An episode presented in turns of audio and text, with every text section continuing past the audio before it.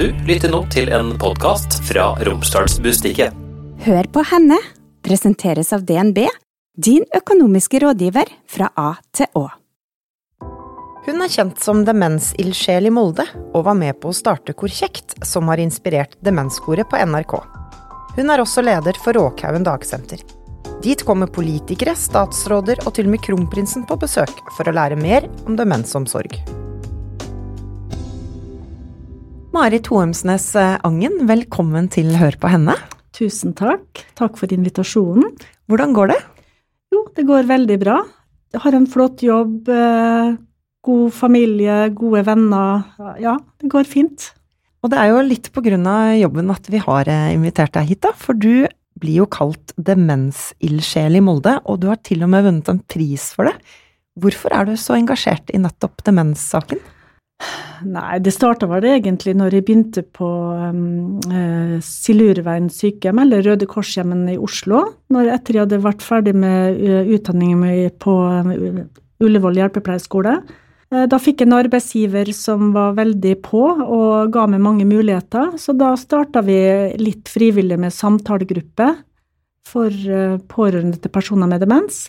Så det var jo egentlig der det starta litt, og så har det liksom bare bakka litt på seg.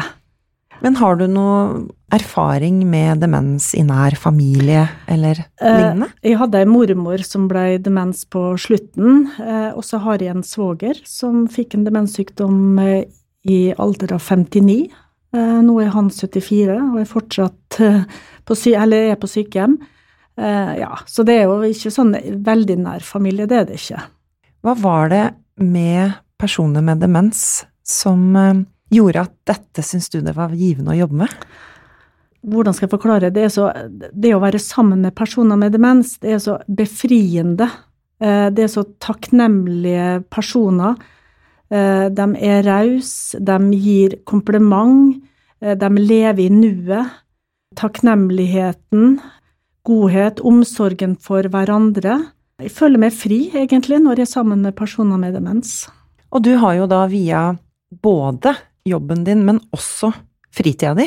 Jeg kan kanskje begynne med jobb først. For det første så er jeg veldig stolt av å, å få lov å jobbe i Molde kommune. Eh, og Molde kommune har jo gitt meg mange muligheter eh, i forhold til det å være leder for dagsenteret. Nå er jo den tittelen borte, nå er jeg jo leder for flere eh, avdelinger. Men de har jo trodd på oss og løfta oss frem. Sånn at jeg kunne gått på, på jobb og, og um, fått med meg mine ansatte på å gjøre en god hverdag for både personer med demens og deres pårørende. Uh, når det gjelder fritida mi, så, så, er det vel mye demens der òg, egentlig. Jeg glemmer ikke å være i påske her. Så skulle, sa mannen min at du får Jeg hadde lovt mannen min, Arild, at jeg ikke skulle snakke om demens den påska, men så viste det seg at um, påskekrimmen den handler om ei, ei, dame som hadde en demenssykdom. Så da ble det jo litt prat allikevel. Så jeg, jeg, jeg, tenker egentlig veldig mye demens, altså. Jeg gjør nok det på fritida i forhold til pårørendeskole. Eh, samtalegruppe, lørdagskafé. Får ofte kanskje en melding fra en pårørende, treffe andre. Men det, det, det er en livsstil. Og så gir det meg veldig mye. Kan kanskje være veldig sånn eh, ja, uh, ikke masete, men jeg ønsker at ting skjer, da. Jeg er veldig ivrig at ting skal skje.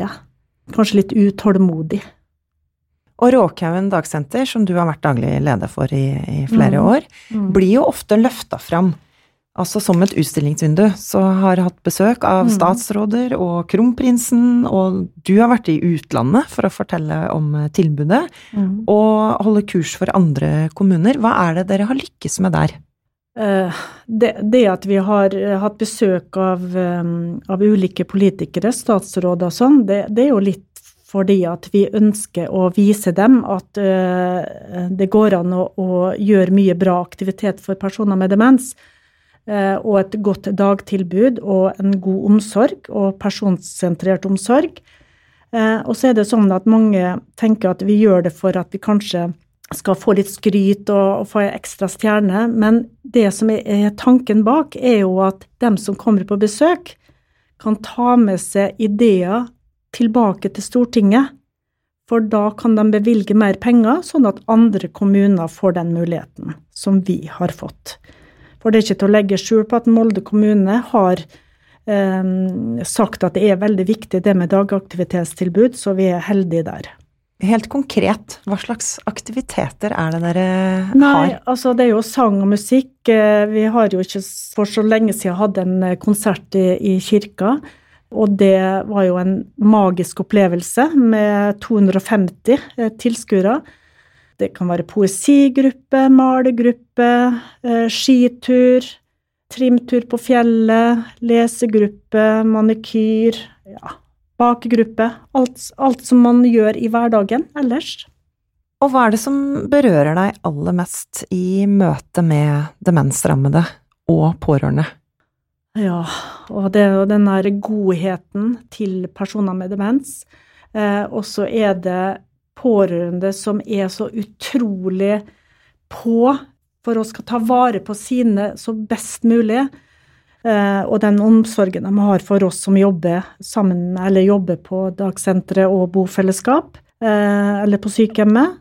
Eh, og så er det jo den gleden de viser for å være på dagsenteret. Som de sier at noen har sagt at hadde det ikke vært for dagsenteret, så hadde de aldri vært i live. Altså det berører med den måten de er overfor hverandre, altså brukerne på dagsenteret, og så er det overfor oss som jobber. Det er en, eh, et sted der du får utrolig mange kompliment hver bidige dag. Har du på deg en fin blomstrete skjorte, så får du kompliment for det. Så det, det å lære seg å ta dagen som, som den er, det har i hvert fall personer med demens lært meg. Å, å være i dagen, og ikke tenke så mye på morgendagen. Hvordan er det å få sånn tilbakemelding som at hvis det ikke hadde vært for dette dagsenteret, så hadde jeg ikke vært i live? Nei, det er, det er så rørende, og det er så magisk. Og da tenker jeg for en viktig oppgave eh, ansatte har, som skal ta vare på personer med demens og deres pårørende. For det å få en demenssykdom er jo en stor sorg i seg sjøl. Eh, noen har jo sagt det at vi mistet, jeg mista sjøltilliten min den dagen jeg fikk en demensdiagnose. Og så er det sånn at det er jo ikke slutt på livet fordi om man har fått en demenssykdom. Man trenger bare mer rettledning og veiledning for å leve et så godt liv som mulig.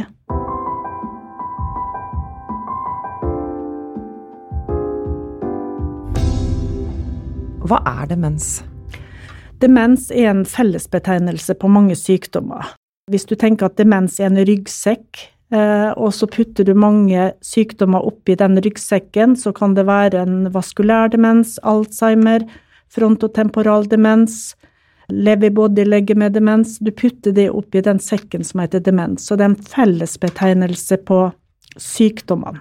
Og har de sykdommene noe til felles? Altså er det sånn at det er eh, hjernen som er skadet, liksom uavhengig Ja. av hvilken Ja. eh, sykdom du har? Ja, men alle, alle har, selv om det er, kan være tre stykker som har Alzheimer, så er alle tre forskjellige. Fordi at vi mennesker er forskjellige. Og hvor mange rammes av demens? I Norge så er det vel over 100 000, eh, så hvis du tenker at de har fire pårørende hver, og så er det venner og sånn, så er det jo veldig mange. Eh, Bare i Molde her i 2020 så var det jo 761, tror jeg. Så det er veldig mange. Og det blir enda flere etter hvert som åra går, av at vi lever mye lenger. Så vi har en utfordring i forhold til å få nok arbeidskraft, eh, for det ser jo vi at det er stor mangel på. Det virker jo som at det er veldig mye oppmerksomhet rundt demens for tida. Mm. Altså alt fra Demenskoret på NRK, Mm. som har rørt mange, Mm. og, og kjente skuespillere og, og andre som står fram og forteller om eh, sykdommen. Hvorfor skjer det nå, tror du? det med demenskoret, eh, det var jo For det første så var det jo fantastiske kormedlemmer som var med, som viste så mye mestring og så mye glede.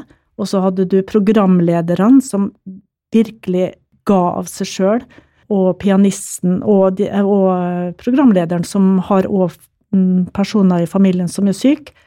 Eh, og bare måten de var på, den respekten de var overfor um, de kormedlemmene, var jo helt fantastisk. Og det tror jeg skapte veldig mye sånn forståelse og glede til, til eh, samfunnet, da, for å se at dette her, eh, dette her går an å gjøre fordi om man har en demenssykdom.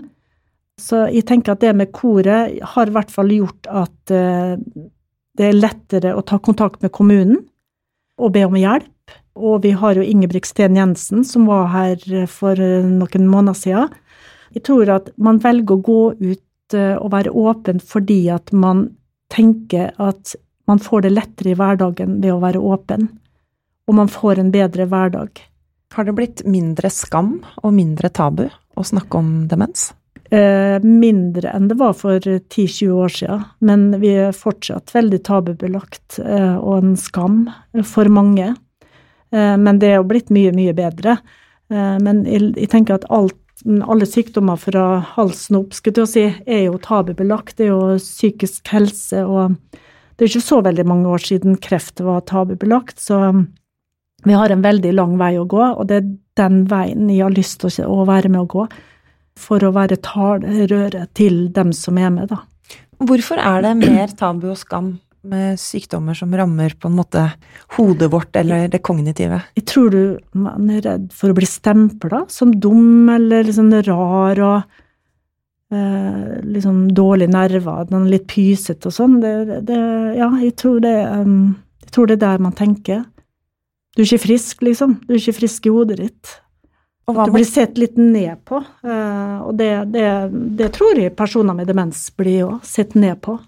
Og hva må til for at vi skal komme Nei, det må bare jobbe enda mer, da. Få ut uh, kompetanse og kunnskap til uh, folk flest. kurse bedrifter, serviceinstitusjoner. Ja, få ut godt, god nok informasjon. Har demens blitt en folkesjukdom? Både ja og nei. Eh, tenker jeg. Ehm, kreft er jo en såkalt folkesykdom, og det blir jo mye mer forska på enn demens. Eh, men nå er det jo bra med forskning på demens òg, men eh, ja, både ja og nei, kanskje. Hva burde folk flest ha visst om demens, som ikke de vet? For det første så er det at det kan skje alle. Alle samfunnslag, uansett alder, uansett hvilken posisjon du er i samfunnet. Så det, må man vite, og så må man vite at eh, hvis man får, eller får en demenssykdom, så er det god hjelp å få. Og det aller beste er jo å be om hjelp og fortelle om sykdommen sin, sånn at flesteparten veit litt rundt hvordan det er å være syk. Hvordan kan liksom de første tegnene eller symptomene på en demenssykdom være? Det spørs jo hva det er, men det kan jo være hukommelse, Eh, det å glemme, ha masse gule lapper rundt omkring. Eh, glemme hvor du har lagt eh, nøklene, brillene, glemme avtaler. Litt sånne ting. Kan jo være gjøremål i, i hverdagen. Det er jo ikke unormalt å glemme. Men det var bra du sa. Ja, for det gjør jo vi alle. Men hvis dette her pågår over lang tid, så må jo man ta en, en, ta en tur til legen. Men det er, jo, det er, jo, normalt å glemme. Og så kan det jo være noe annet i eh, Det kan jo være at man er deprimert eller har en infeksjon.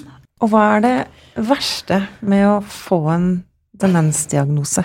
Er det noen som har sagt noe om det til deg? Åh, det verste må jo være Ja, det verste er kanskje hvis du er veldig ung, eh, må avslutte yrkeskarrieren din eller det å um, Du har små barn, ikke får følge opp. Uh, miste samtalepartneren som ektefelle.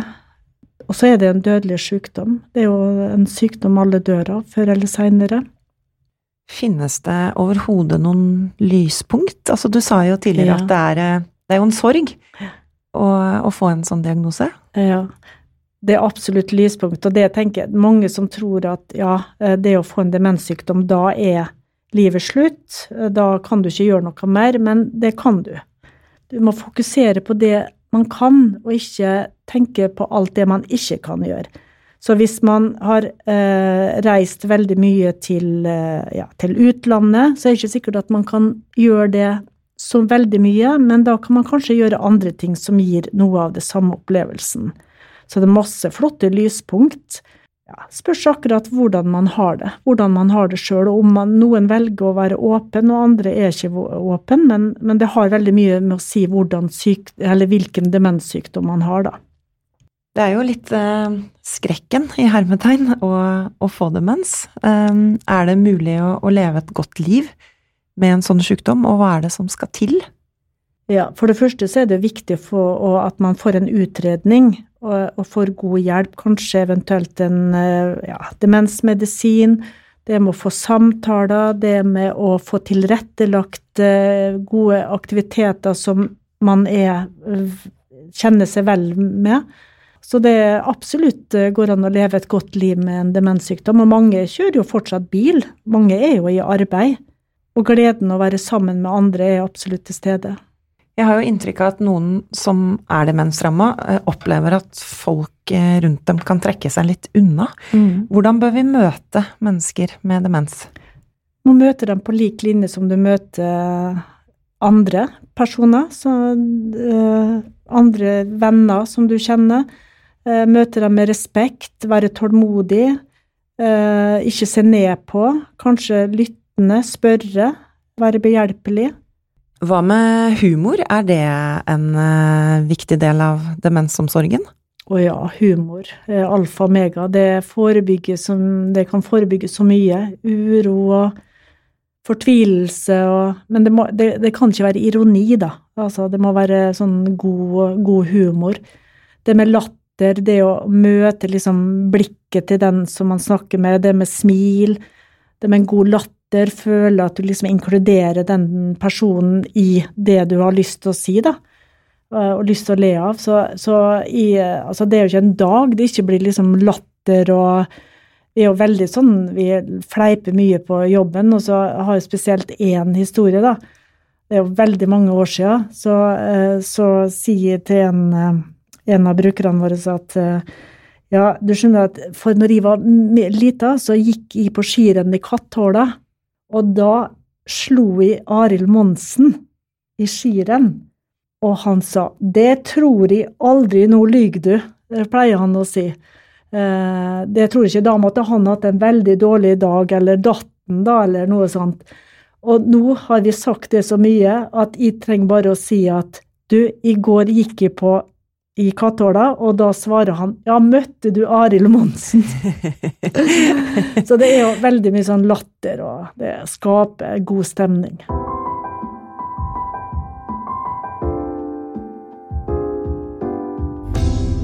Tidligere så nevnte jeg jo Demenskoret på NRK, som har skapt stort engasjement. Um, og du sa jo litt om hvorfor det har, um, har blitt en suksess. En av inspirasjonskildene var hvor kjekt i Molde, mm. som du var med på å starte for 13 ja. år siden. Mm. Hva kan sang og musikk gjøre for personer med demens? Det er så mye glede i sang og musikk, og vi har jo personer som kanskje ikke har så veldig godt ordforråd, problemer med å snakke, men når vi begynner å synge, så kommer alle orda ut. Det eh, gir en mestringsfølelse, det gir en god følelse. Jeg husker at de sa etter den konserten i kirka så kom de dagen etterpå og sa det at 'jeg er så stolt av meg sjøl'. For den derre gode følelsen av å, å, gi noe til andre, og tenke at jeg som er syk, står her og synger for alle. Og vi vet jo at sang og musikk gir jo en god følelse hvis vi spiller musikk som man liker, ikke sant. Um, det er jo ikke alle som liker trekkspillmusikk, det er ikke alle som liker pop. Så det å finne hva hver enkelt liker, det skaper enormt mye glede.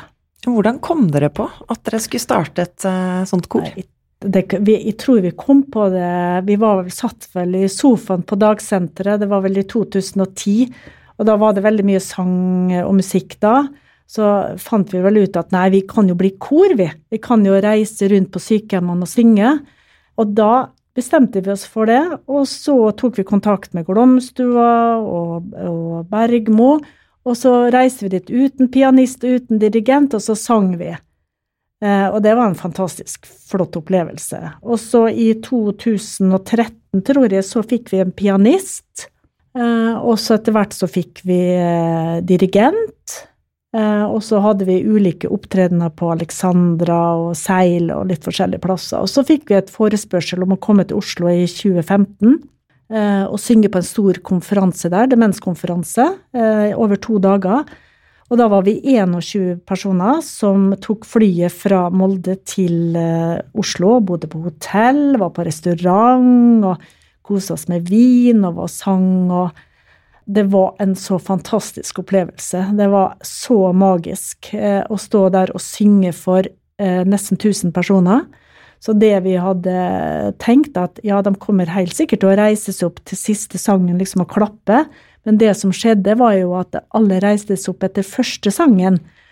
Publikum gråt, og vi begynte å gråte, så det var Nei, det var bare så rørende. Så når vi gikk rundt på Youngstorget der, for det var sånn julemesse, så ble vi stoppa, og, eh, og kormedlemmene ble stoppa, ja, så alle fikk sånn skryt. Og det var så nydelig å gå der.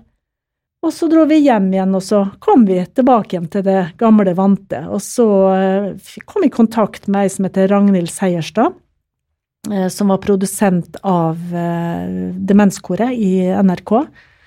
Så hun ville komme på hospitering. Så hun kom jo på hospitering til oss i desember i 2019.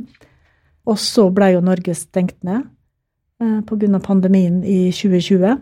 Eh, og så ble det demenskoret. Så det var jo veldig fint. Så fikk jeg mail fra Ragnhild Seierstad at hun sa at hun takka sånn for, for at hun hadde fått vært hos oss, og at det hun hadde lært av oss, var den gode roa vi hadde, og noen av sangene. Så jeg var liksom veldig stolt av å å være en liten del av det. Det, var altså det starta jo i England, så det er jo ikke vi som har funnet på det. Men eh, vi tror at vi var veldig tidlig ute med demenskor. Og nå eh, skal jo vi på Bjørnsonfestivalen, og vi skal på Hjertøya og synge, og vi skal kanskje et arrangement i september her i byen, og så skal vi til Oslo igjen i, i september og synge på en sånn stor nordisk konferanse som heter Sangsymfosium, da. Så det blir veldig stort. Eh, så det, der, det starter jo med Råkhaugen, eh, men det er, jeg syns det er viktig å få ut at det er Molde kommune sitt demenskor. Og så drømmer dere nå også om å synge på Operataket? Ja, Intet ja, mindre? Ja, det, det, får vi til, vet du. Bare vi håper på fint vær. Så det, det klarer vi. Hei, jeg heter Ida og jobber som finansrådgiver i DNB Molde.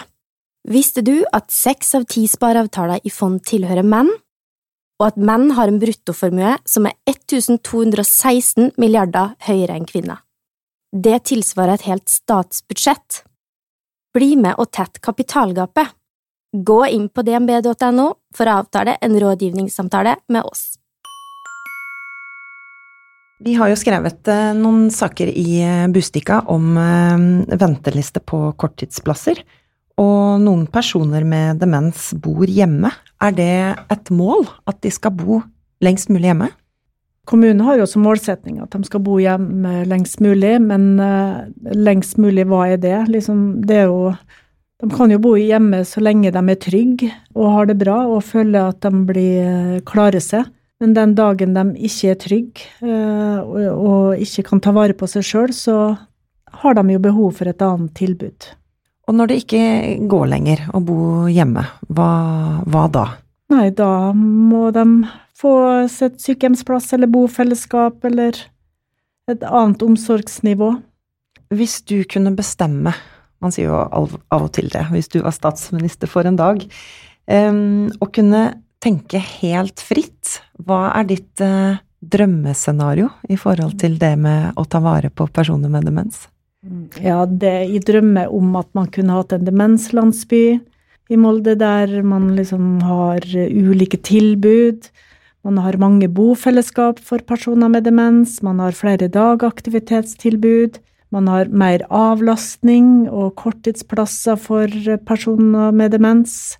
Et godt tilbud sånn at alle føler seg trygge, og man slipper alle de utslitte pårørende Eh, som hver dag eh, strekker strikken altfor langt. Så når de først ber om hjelp, så burde de ha bedt om hjelp for lenge, lenge siden.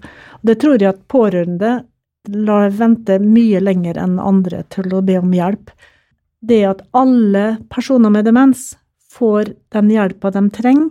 Og pårørende, det er mitt største ønske.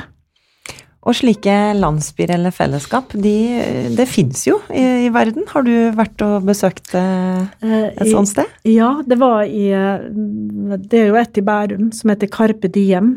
Men i, jeg var i Amsterdam, eller i Nederland, for noen år siden Jeg var med statsforvalteren, eller fylkesmannen den gangen, og så på demenslandsbyen i Nederland, og det var en fantastisk opplevelse med masse herlige folk som bodde der, og der var det butikker, det var restaurant, det var bar, pub, teatersal. Eh, og så bodde de liksom med ulike hvis du, hadde, hvis du likte sånn eh, uh, furumøbler, så bodde du i en sånn stil, og så var det liksom etter hvilken stil du hadde hjemme, og hvilket yrke du hadde. Så det, det var en fantastisk Og der, det, der, hadde jeg kommet til å trivdes hvis de hadde hatt en demenssykdom. Eh, og så er det det bare å få lov å gå ut akkurat når du vil. Sånn å kjenne liksom vinden liksom tar det i kinna, og, og regnet, og kjenne på den frihetsfølelsen. For frihetsfølelse er kjempeviktig for personer med demens. Er det mulig å få til noe sånt i Molde? Ja, da, vi har, driver jo liksom fleiper litt med det på Råkøen, at vi skal liksom bygge inn Kiwi og liksom rundt, da. Men det er, jo, det er jo naturligvis ikke riktig. Men eh, ja, kanskje. På sikt. Å jobbe i eldreomsorgen, det har jo i flere mediesaker i det siste blitt omtalt som eh, krevende. Eh, men det er jo store forskjell, forskjeller ut fra, ut fra hvor man jobber, og mange trives jo også på jobb. Hva er det som fungerer bra med eldreomsorgen i dag? Tenker du på her i Molde, liksom? Ja. Ja. Men uh, eldreomsorgen, vi har jo sykehjem, vi har jo omsorgssenter, vi har jo trygdeboliger. Vi har jo et uh, sykehjem for personer med demens, vi har dagaktivitetsplasser for personer med demens, og vi har vanlige somatiske dagsenter.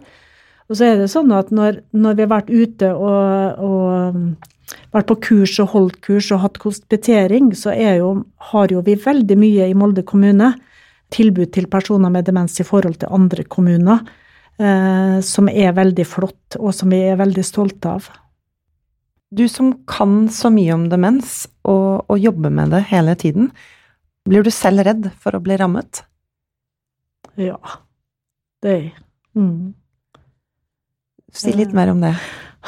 Ja, nei, eh, jeg er jo jeg, jeg tenker ofte at hvis de, um, hvis de ikke finner noe, liksom hvis de har lagt bort noe, ikke finner nøklene mine, noe sånt, så er det en sånn tanke som er der uh, hele tida.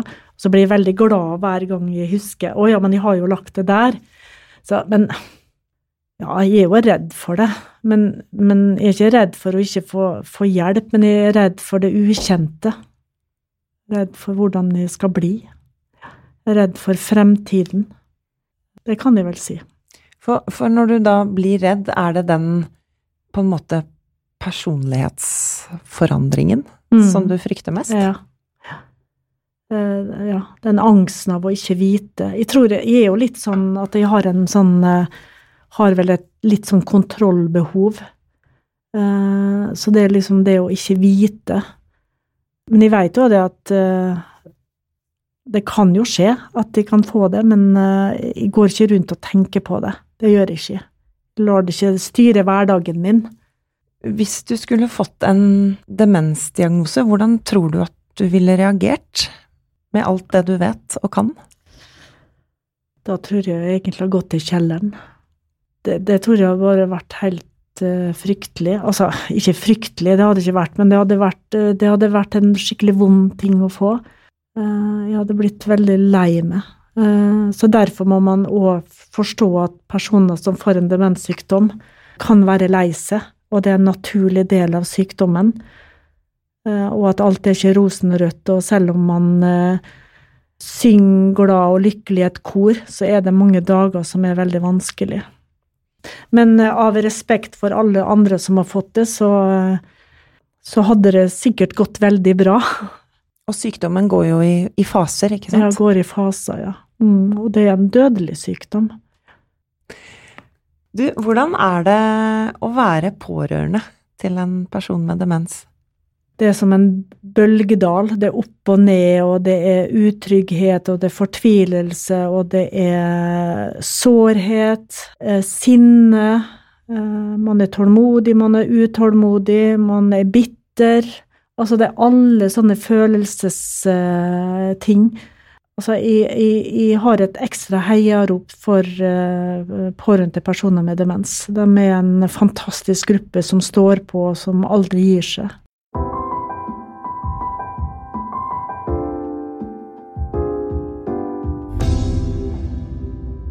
Du Marit, du har jo vokst opp i Molde, på Årøhagen planteskole, der hvor syltefabrikken eh, ligger i dag. Og mm. hvordan var det?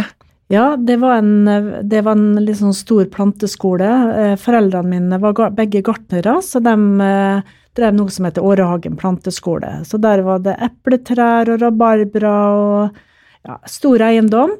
Med dukkestue, låve, utedo hadde vi. Jeg hadde utedo til jeg var ni år. Det er veldig mange som syns det er veldig rart, men vi måtte gå altså i fjøsen på, på do. Eh, vi hadde bøtte, da, eller potte, hadde vi vel på natta sikkert. Og så hadde vi badekar innafor potetkjelleren, nede i kjelleren. Kreativ løsning. Ja, så foreldrene mine måtte tenne opp to dager før, fyre opp altså, for det var varmt. Og så fikk vi bade. Så det er liksom mange som syns det er litt sånn morsomt at de forteller det. Men uh, jeg tror ikke det var så veldig morsomt for mine foreldre, da. Men uh, jeg har nå en god opplevelse av det det var jo en forpakta eh, gård, dette her.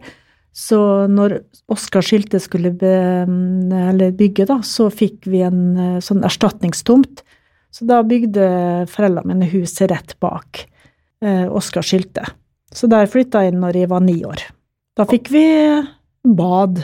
Flisbelagt bad med do. Og hvordan var du som barn? Jeg var veldig beskjeden. Eh, jeg tror hun var, jeg var nok litt sånn litt vilter når jeg var veldig liten, for eh, jeg husker det heller Foreldrene mine sa at eh, for å vite hvor jeg var hen, så måtte de binde meg til flaggstanga.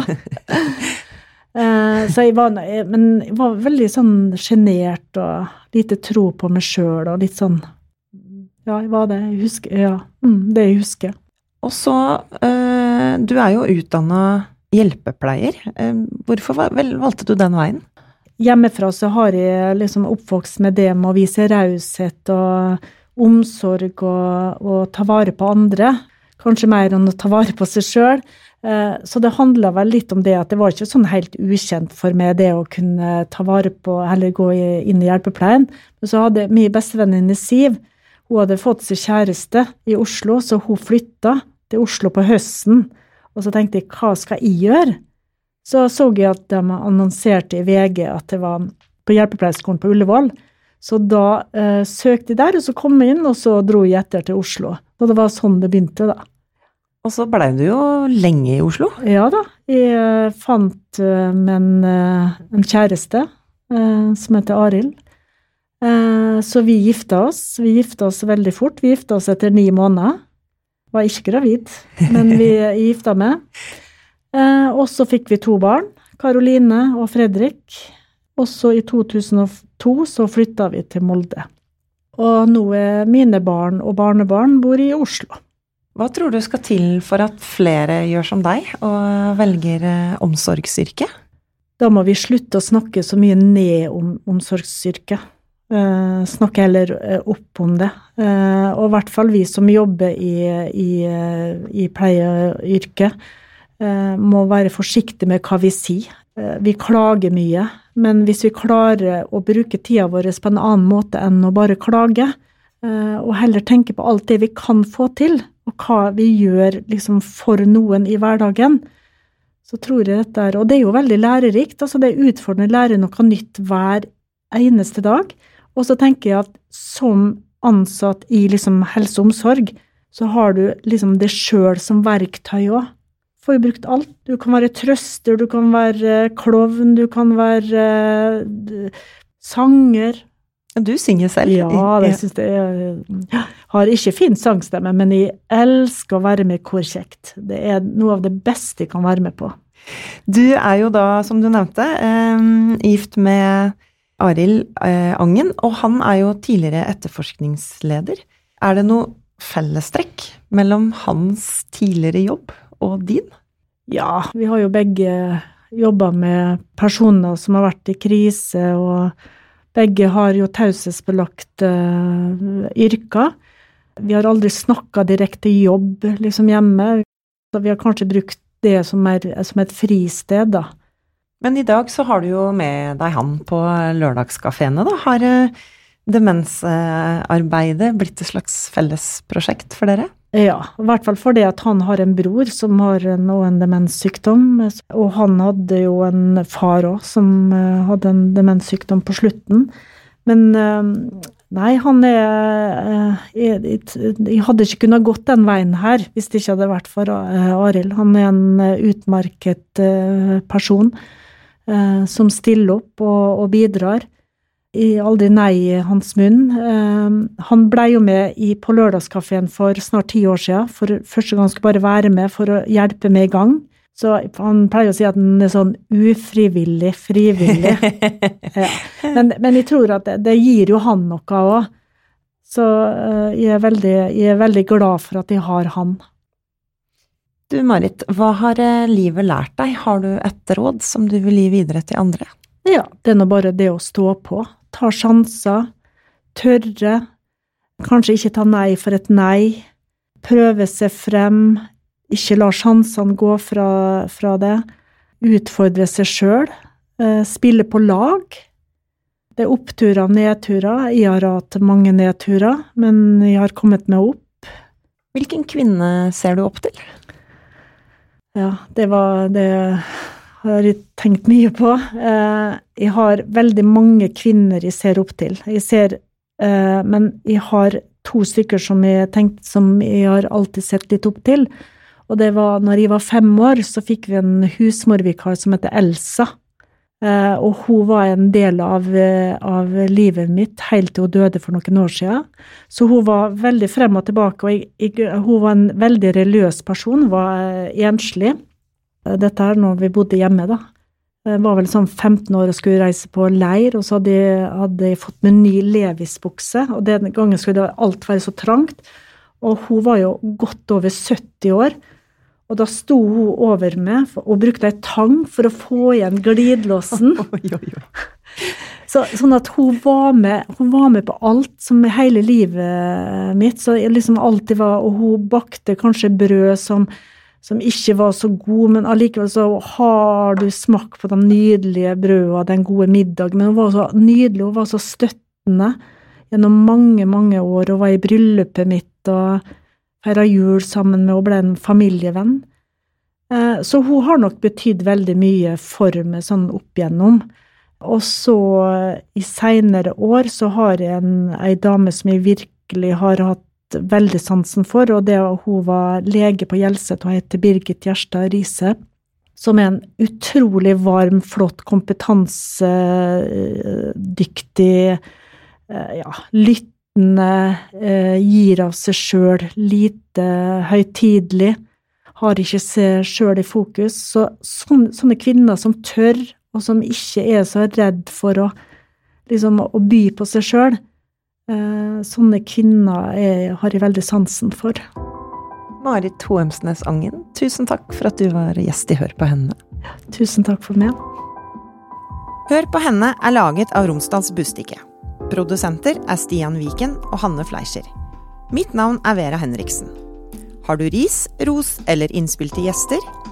Send meg en e-post på hennealfakrøll-r-b.no. Følg oss også gjerne på Instagram så håper jeg vi høres snart. Hør på henne presenteres av DNB, din økonomiske rådgiver fra A til Å.